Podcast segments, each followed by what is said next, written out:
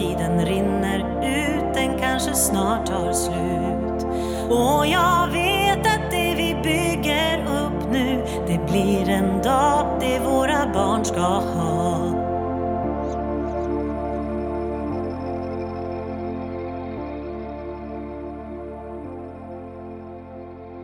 För exakt ett år sedan, den 2 mars 2022, så satt jag här på kontoret i min poddstudio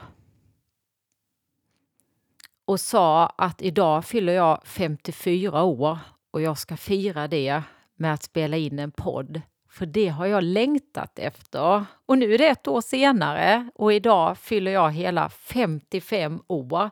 Och jag tänkte att det ska jag fira på samma sätt som förra året, att spela in en podd. Så nu sitter jag här och känner mig oerhört rik på livet. Rik på livet på många, många flera plan. Rik för att jag vaknade tidigt, redan vid fem. Jag visste att min fru Erika skulle upp vid halv sex och åka till jobbet. Och så låg jag och väntade lite, undrar om hon kommer in och sjunger för mig innan hon går på jobbet, för barnen ligger ju och sover. Och så ringde klockan. Och så var det ingen sång. Hon sa grattis, hoppas du får en härlig födelsedag. Och sen stack hon iväg. Ah, tänkte jag, då kommer nog Molly och Nelly så småningom. Och Molly är ju 14 på sitt 15 år och Nelly är 7 på sitt 8 år. Och så låg jag där och så blev klockan sex, klockan blev halv sju och så började jag höra att det rörde sig i köket och då började jag le för mig själv och så kom jag att tänka på när jag var liten och fyllde år. Hur jag och min tvillingbror Pigge, vi kunde vakna tidigt, vi delade rum. Och så sa jag, Pigge, sover du? Nej, nej, inte jag heller. Tror du mamma och pappa kommer snart? Ja, vi låtsas att vi sover. Och så låg vi och väntade och väntade och det kändes ju som en evighet. Och så rätt som det var så hörde vi att de kom i hallen.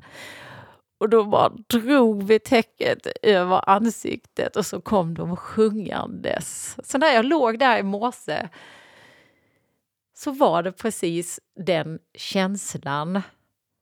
När Molly och Nelly kommer in, öppnar dörren och så sjunger de Ja må hon leva och så hade de tänt ljus på en kladdkaka och med paket och så hoppar de upp i sängen. Och jag kände mig som jag själv var ett barn och jag var så lycklig. De hade verkligen ansträngt sig och det första lilla Nelly sa det att mamma grattis men vi fick inte plats med 55 ljus på tårtan. Nej, jag förstår det och så blåste jag ut ljusen. Och så har vi som tradition att vi äter kladdkaka till frukost. Så var det tre skedar och så satt vi och mumsade under tiden som jag öppnade mina paket. Och jag kände mig som sagt så rik och lycklig. Och det är ju egentligen det som det här avsnittet kommer att handla om. Att älska livet. Att älska varje steg av livet på väg mot sina drömmar. Och det är ju för mig och har varit i hela mitt liv att få bli förälder. Lite osäker på om jag faktiskt skulle bli det. Med tanke på att jag lever tillsammans med en kvinna och så fick jag den stora förmånen att träffa Erika och tillsammans fick vi våra två helt fantastiska barn. Och den lyckan är helt obeskrivlig när de kommer in, som sagt, och grattar mig i morse. För det är ju en del utav min dröm att få vara en familj med två härliga barn. Och så tänker jag så här att ja, 55 år, vad finns det nu att drömma mot? Och jag har aldrig känt mig så levande som nu. Och mina drömmar är större än någonsin, oavsett om det gäller jobbet eller det gäller privatlivet. Det kan vara stora saker, det kan vara små saker. Fast det gäller ändå att fortsätta drömma, att förflytta sig framåt. Att ta ett steg i taget.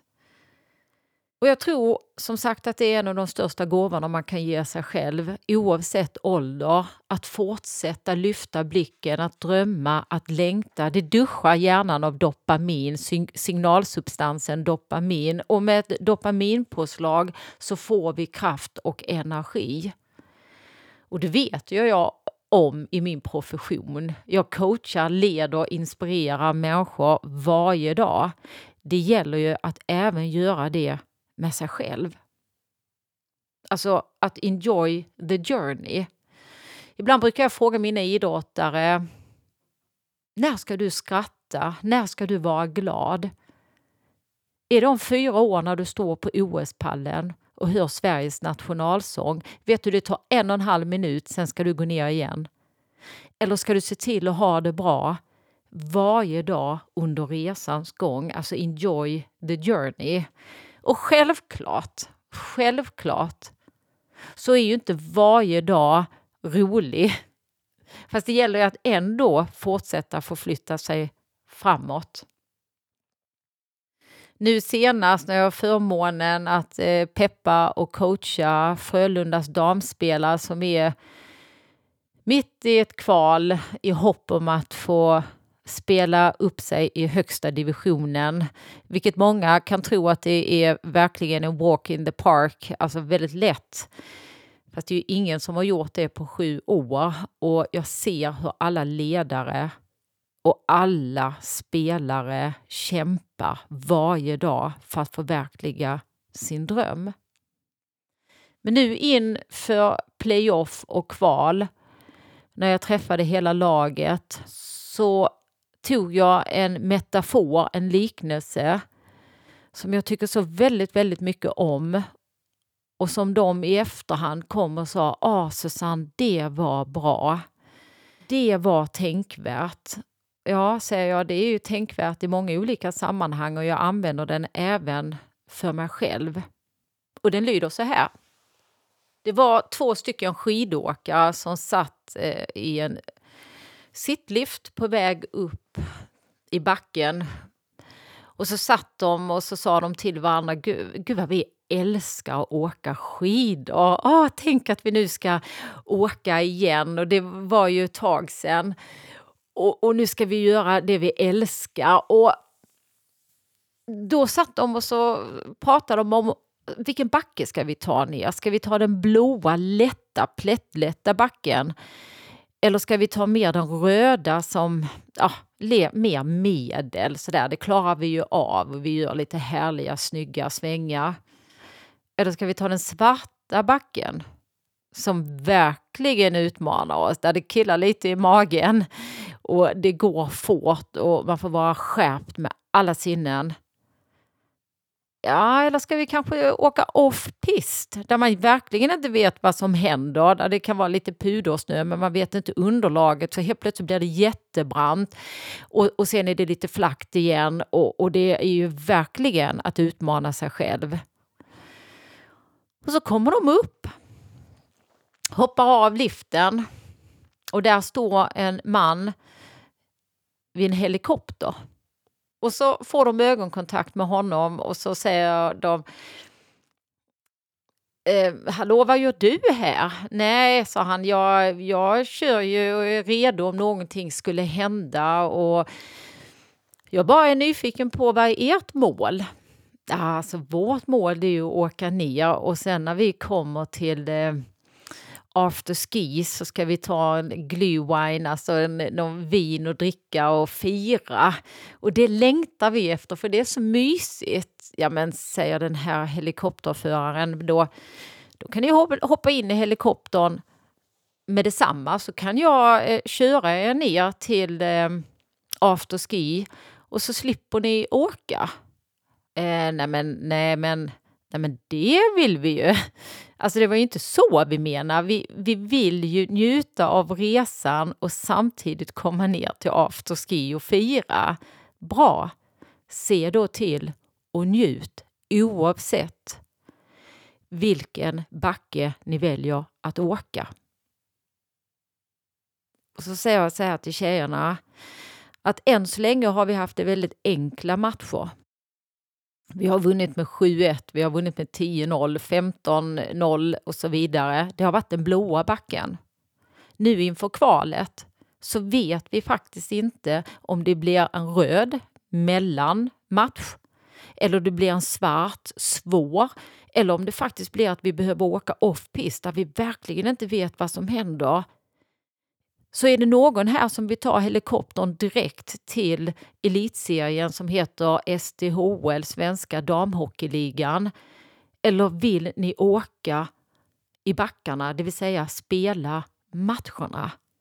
Och de bara tittar på mig så säger de, ja men det är väl klart, det är väl klart att vi vill spela. Ja, fast vill ni bara spela de lätta eller vill ni spela de tuffa matcherna också? De som är jobbiga, de där man får mjölksyra, där vi kanske inte alltid är överens, där vi kanske ligger under. Ja, men vi vill spela dem också. Vad bra! Då ser vi till att njuta under resans gång tillsammans. Och det har vi gjort. Vi är inte klara med kvalet, vi är mitt uppe i kvalet och oavsett slutgången så vet jag att både ledarna och tjejerna njuter av resans gång och jag är full av beundran. Och så funderar jag på, gör jag det i mitt eget liv? Njuter jag? Eller vill jag ta den lätta vägen? Eller den mellansvåra, eller den tuffa, eller den där man inte vet när någonting ska hända. Och jag vill verkligen påstå att ibland tycker jag det är härligt när det är lite lättare. Ibland vill jag ha det mellansvåra, ibland det tuffa och ibland Åh, det här är läskigt, jag vet inte vad som händer. Fast det är ändå enjoy the journey. Och så tänker jag också på mig själv, att jag är väldigt stolt över att jag varje år, så länge jag kan minnas, har lyft blicken, satt nya mål och förflyttat mig i den riktningen. Tagit steg för steg. Jag tycker mycket om en bok eh, som handlar om en pojke och en häst i skogen. Och vid ett tillfälle så säger pojken, ja, ja jag känner mig lite osäker nu och frågar eh, hästen, ah, jag vet inte var jag ska gå, var jag ska sätta mitt nästa steg. Eh, jag kan inte se igenom skogen. I can't see, see it through, säger han på engelska. Jag kan inte se igenom. Nej, säger hästen väldigt lugnt. Fast kan du se var du ska sätta ditt första steg? Ja, säger pojken. Bra. Ta då första steget. Sen får du se var du ska ta det nästa. Och det tycker jag mycket om. Ta ut riktningen som sagt, mål, drömmar, stora som små. Och sedan börja gå. Du kanske inte ser hela vägen klar, men du tar i alla fall första steget. Och jag är väldigt stolt att jag har vågat göra det. Varit modig att göra det. Mod på engelska är courage, alltså courage, mod. Och det var en god vän, en klok kvinna som sa till mig, courage är ju mod att följa sitt hjärta. Och det är jag stolt, det försöker jag överföra på mina barn. Så många som jag träffar, att vägen blir till medan vi går. Ta ut riktningen och ta första steget så får vi se som sagt vad nästa steg blir. För det gäller att våga bryta mönster. Att våga gå utanför trygghetszonen. När jag coachar mina spelare och även människor som inte håller på med idrott så säger jag så här. sätt basen. Gör det som du är trygg i till 70-80 procent. Där är du hemma. Fast våga också utmana dig. Våga gå utanför komfortzonen. Våga lämna trygghetszonen för att undersöka vad händer där? Det kommer killa i magen. Det kommer ge ett annat signalsubstans som heter kortisol. Det är läskigt. Det kan bli svårt att andas. Man känner sig nervös. Fast när du gör det så utmanar du dig själv. Och när du har lyckats ta dig igenom de tuffa terrängerna, de svåra sakerna, så står du där stolt som en vinnare i ditt liv. Oavsett vad det gäller. För det gäller att våga tro på framtiden. Att våga lyfta blicken. Att våga ibland kasta sig ut för livet brukar ju ändå bli bättre än vad man tror. Jag vill så gärna ha en tro på framtiden Jag vill så gärna ha en tro på framtiden. Och framtiden, vilka är framtiden? Ja, är man intresserad av benämningar på generationer så är det Z-generationen som är framtiden. Och Z-generationen det innebär de som är födda runt 1996 till 2015. Innan dess, 80-talisterna där, var ju Y-generationen. 70-talisterna var eh, X-generationen och en del av 60-talisterna också och eh, 40-talisterna, 50-talisterna kallades för baby boomers. Icke desto mindre, den nya generationen kallas för Z-generationen. Det är den första generationen som är uppvuxna helt digitaliserade. Det vill säga, det är de, de är födda med en telefon i handen, en iPad, en dator. De märker jag när jag coachar den här generationen att eh, man får be dem lägga undan telefonen, helst eh, vända upp och ner på den eller ha den i ett annat rum, annars går blicken dit eh, i våra samtal nyfikna på telefonen. De är vana vid att världen snurrar snabbt. De är eh, vana vid eh, snabba kickar. Eh, de in influencers är viktiga för dem. De lyssnar ibland mer på influencers på Youtube än eh, sina egna föräldrar, pedagoger i skolan, idrottsledare. De förflyttar sig över hela världen bara på ett par sekunder. Titta på Greta Thunberg som påverkar hela världen, både digitalt och det hon stod för, står för. Såklart även fysiskt, fast det snurrar så mycket rent digitalt. Och jag har ju två barn som är i Z-generationen och det är ju väldigt, väldigt charmigt att se och vara en del i deras liv och ta del av det som de faktiskt brinner för och det som de får kicka av. Jag som är X-generationen var, var van vid att leka bollen i båken eh, hemma på gatan, dunkgym, med pjätt, röda vita rosen, spelade tennis mot garageuppfarten och tyckte det var det bästa som fanns.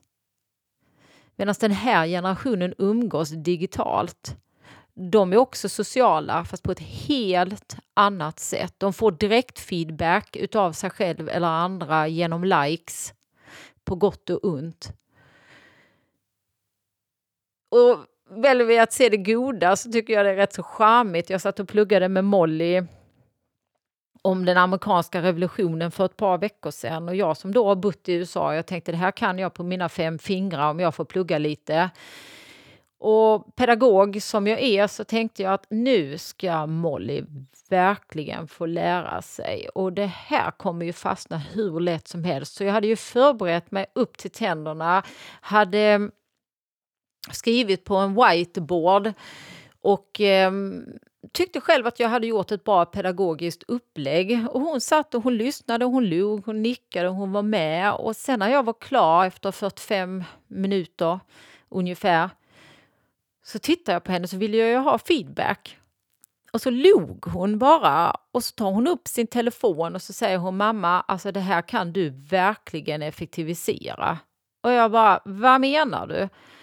Ja, så tittade hon på Youtube och så skrev hon in eh, amerikanska revolutionen och då var det ju ett klipp precis på det jag hade sagt, fast det var på fyra minuter.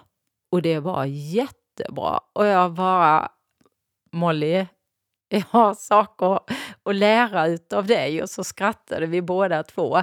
Och senast igår kväll så pluggade vi tyska. Och då hade jag kvällen innan engagerat mig också säkert en timme i att översätta en text på tyska. Jag pluggade själv tyska, sjuan, åttan och nian. Och tyckte jag, ja men, det, ja men jag kan det hyfsat och har bra uttal. Det fick jag ofta beröm för, det kommer jag ihåg. Och sedan satt vi som sagt igår kväll och, och så sa jag, ja, men den här meningen betyder detta. Man skulle läsa staden Bern och tyckte det var intressant. Och så säger jag, men mamma har du suttit och översatt alla de orden som du inte förstod? En för en, alltså ett ord i taget. Ja, sa jag och så tänkte jag att nu kommer jag ju få beröm. Ja, men mamma, det är ju bara att göra så här. Så tar hon telefonen, eh, scannar in hela sidan, går in på Google Translate och trycker på en, en funktion där och så översattes hela sidan på en sekund, mindre än en sekund. Och så sa hon, det var ju väldigt mycket onödig tid och jag bara Oh my god! Och så skrattade vi ju igen. Så sa jag, Molly, jag förstår att du pluggar på ett annat sätt än vad jag är van vid jag har att lära. Och likaså eh, här i början av veckan så gick jag och Nelly efter skolan, den lilla tjejen, på vårt favoritcafé. Och på vägen dit, jag höll henne i handen och jag kände mig lycklig. Bara att få känna hennes hand i min gör ju mig överlycklig. Så tittar hon på mig och så småler hon sådär lite pillemarisk. Så säger hon, mamma jag är singel. Eh, ja, det hoppas jag verkligen. Alltså så, så skojar vi. Du, så sa jag, hur länge ska du vara singel? Nej, jag får se. Men du, om du vill träffa någon, hur skulle du göra det? frågade jag henne. Ja, men mamma, då träffar jag någon över nätet. och, jag, och jag skrattar och hon skrattar. Så kom jag att tänka på att ja, hon är ju Z-generationen. Och så kommer jag minnas liksom tillbaka i tiden också att när hon sitter med sin telefon och flippar och det är väl alla möjliga olika program, jag vet inte ens vad de heter, men när hon ser något roligt liknande när jag var liten och var med om något roligt och gick till mamma och pappa så berättar jag någonting ur en verklig händelse. Men hon berättar ju ofta om någonting som hon ser på nätet som hon vill dela med mig. Och då har jag ju två valmöjligheter. Antingen så bara, ah, men du ska inte titta så mycket på telefon, vilket hon inte heller får. Fast jag kan också bemöta henne och säga, åh, vill du dela någonting med mig? Tack för det, får jag se. Och då har vi ju exakt samma humor. Vid ett tillfälle så kom hon med ett klipp och det har ju blivit jättekänt så de flesta känner säkert igen det. När det var en liten kvinna som tittade ut genom fönstret så säger hon till, eller kvinna, en liten, liten flicka, hon var väl ett och ett halvt, två år. Så säger hon till mamma, mamma titta. Jag skrattar nu också. Mamma, mamma, it's a fucking goat outside. Och mamma bara liksom helt förfärad. No, no, no, no, it's just a goat.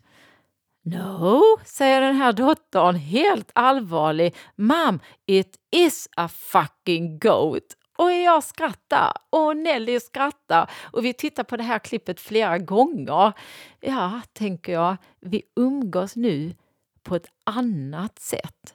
Och när jag frågade henne i julas så sa, så sa jag Nelly, vad önskar du dig i julklapp? Då sprang hon och hämtade telefonen. Så sa hon, mamma, jag önskar mig det här. Och så skrattade hon. Ja, då var det en, också en liten flicka vars mamma frågade, vad, vad önskar du dig i julklapp? Då ler den här flickan med ett sånt här jätteleende och så säger hon på svensk-finska, Eh, jag önskar mig mat, alltså pasta och sötbullar. Hon kunde inte säga köttbullar. Mamma, ja, men sa mamman, önskar du inga julklappar? Nej, nej, nej. Och så log hon. Jag önskar mig pasta och sötbullar. Och det skrattar vi också åt.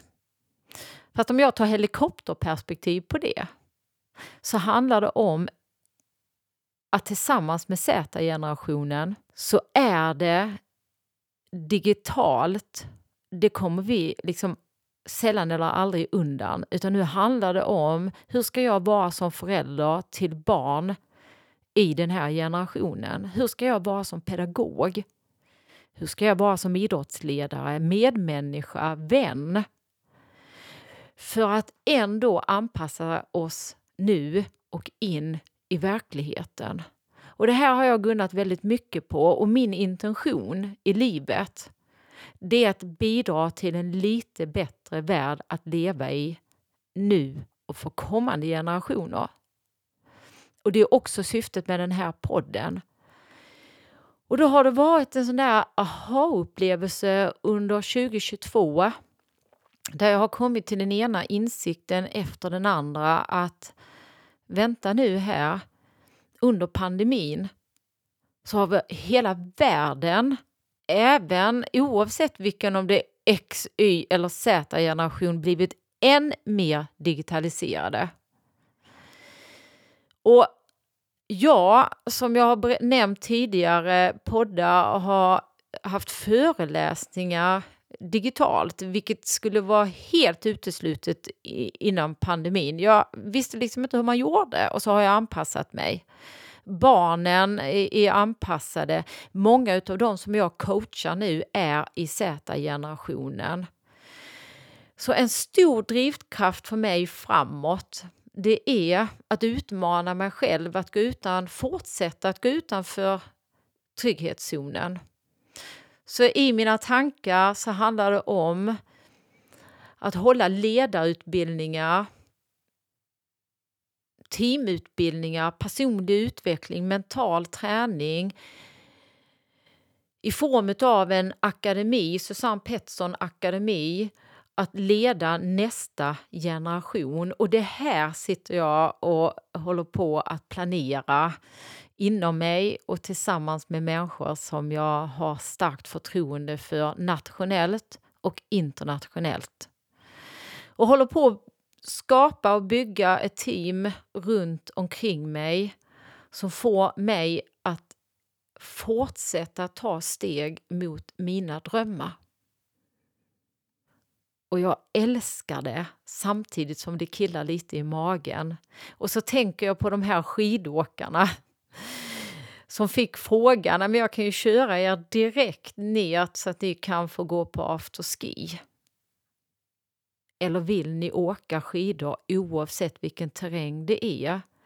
Och jag vill så gärna fortsätta åka skidor, det vill säga jobba med det jag jobbar med. Och ibland kommer det att vara väldigt enkelt och ibland kommer det vara en svart pist eller off-pist för att jag vill fortsätta ta första steget, andra steget, tredje steget mot att förverkliga mina drömmar. Så fortsättningsvis i podden så kommer ni få att vara med mig i denna processen. Fortsättningsvis i podden så kommer jag intervjua människor som gör gott för andra Människor som får flytta samhället framåt, människor som vill på riktigt bidra till en lite bättre värld att leva i nu och för kommande generationer. Och med det så vill jag avrunda med ett par saker som berör mitt hjärta. Jag såg någonstans, jag minns inte var, där var en pappa som hade skrivit på sina knogar Hope. H-O-P-E. På engelska Hope, det vill säga hopp. Och det tittar han på varje dag. Och så översättningen för varje bokstav för honom var H står för help, det vill säga hjälp. O another, en annan. P person, person. I everyday, varje dag. Det vill säga på svenska, hjälp en annan person varje dag. I det lilla, i det stora. Och jag tänkte, ah, det vill jag ha med i podden. För det är precis som sagt vad podden handlar om. Och så vill jag också avsluta med en fotbollskille som kommer från Senegal som heter Sadio Mané. Som också eh, spelar och är väldigt aktiv i Bayern München. Och så läste jag en artikel om honom där han säger så här, jag behöver inga dyra bilar inga lyxiga hus, inga flygplan att flyga i, inga sådana där superlyxiga påkostade semestrar. Så säger han med tydlig sortering, det är inget fel att vilja ha det. Fast jag behöver inte det. Utan det jag, som vill göra, det jag vill göra med mina pengar. Och som han bevisligen har gjort i sin lilla hemby i Senegal som heter Bambali, hur man nu uttalar det. Där han för pengar han har tjänat in på sin fotboll gett tillbaka till sin by genom att eh, bekosta och bygga ett sjukhus, skola för barn, se till att hela byn har wifi, se till att det finns en post och en bensinstation. Inte för att han måste, inte för att någon har bett honom, utan för att han av sitt eget hjärta på riktigt ville det för det gjorde honom lycklig. Så i det lilla, i det stora, göra gott för andra. Hope. Och så ska det här sista, sista jag säger vill jag skänka kärlek eh, och glädje till eh, min brorsdotter Annie och hennes eh, sambo Albin och deras alldeles, alldeles nyfödda dotter Reva. Vi är lyckliga att familjen växer. Vi är lyckliga för Annie och Albin. Och Annie la ut på sociala medier en helt bedårande bild när pappa Albin håller om sin dotter och tittar på henne sådär kärt, sådär älskvärt som bara mamma och pappa kan göra till sitt nyfödda barn. Och så löd texten så här. Bli vem du vill och blomma på dina villkor. Vi lovar att göra vårt bästa. Bli vem du vill och blomma på dina villkor. Vi lovar att göra vårt bästa. Jag tyckte det var fint, det gick rakt in i hjärtat. Så tusen tack för att du har valt att lyssna på min podd. Fortsatt lycka till med allt du väljer att göra. Ta första steget med ett leende på läpparna. Oavsett hur terrängen ser ut, njut. Förflytta dig framåt mot dina drömmar. Väl mött i nästa avsnitt. Det är dags att börja tänka om för tiden rinner ut, den kanske snart tar slut. Och jag vet blir en dag det våra barn ska ha.